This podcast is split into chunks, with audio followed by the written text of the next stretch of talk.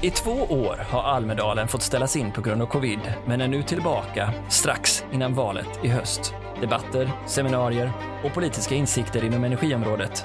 Vad kan vara mer intressant?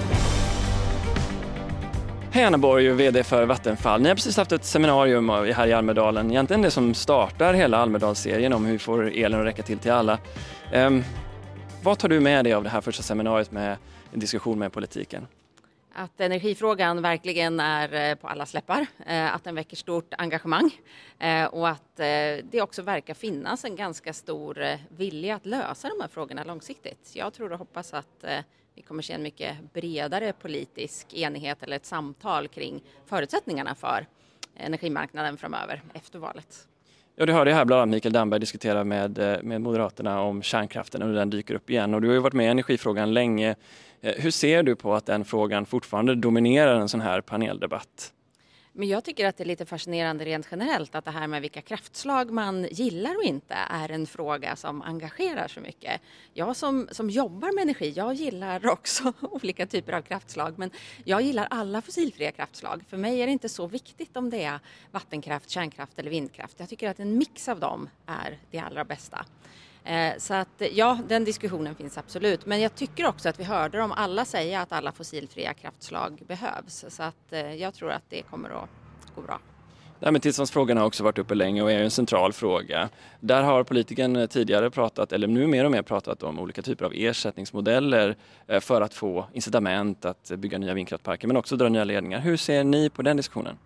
Jo, men det kan absolut vara ett element som man jobbar med och det gör man ju i en del andra länder i Europa där man har kommit mycket längre när det gäller utbyggnaden av vindkraft både på, på land och till havs. Men jag tror att det är viktigt att man tänker helhet också och att eh, det blir någorlunda lika oavsett var i landet man bor, att det är en modell som håller långsiktigt och så vidare.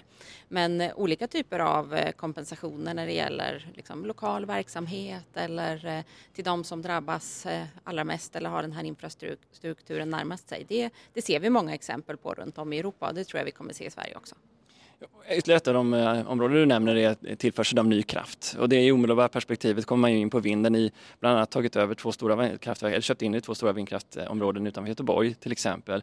Eh, och jag hade ett samtal med eh, Annika, din VD på det området och där har ni ändå satsat mycket utomlands för hon nämnde att strukturen i Sverige inte har varit lika mogen och gynnsam kanske. Ser du Ser du nu med tanke på vad som kommer inför vintern och det behov vi har att, att det blir en ändring i den frågan?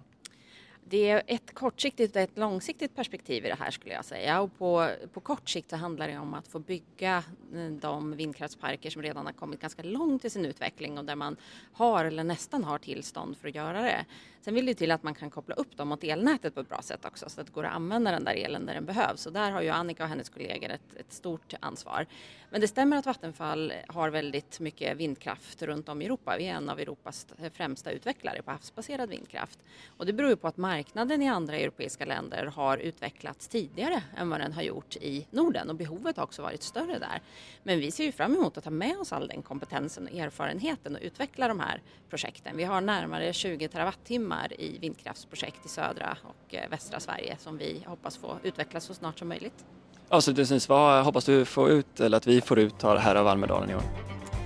I år är det ju väldigt mycket fokus på energifrågan rent generellt och det tycker naturligtvis jag är väldigt, väldigt roligt men också viktigt. Så jag hoppas att det går att liksom lägga grunden för konstruktiva diskussioner eh, mellan alla aktörer som behöver vara med och se till att det här eh, fungerar. Och hittills tycker jag att det är precis däråt det lutar. Tack så hemskt mycket. Tack.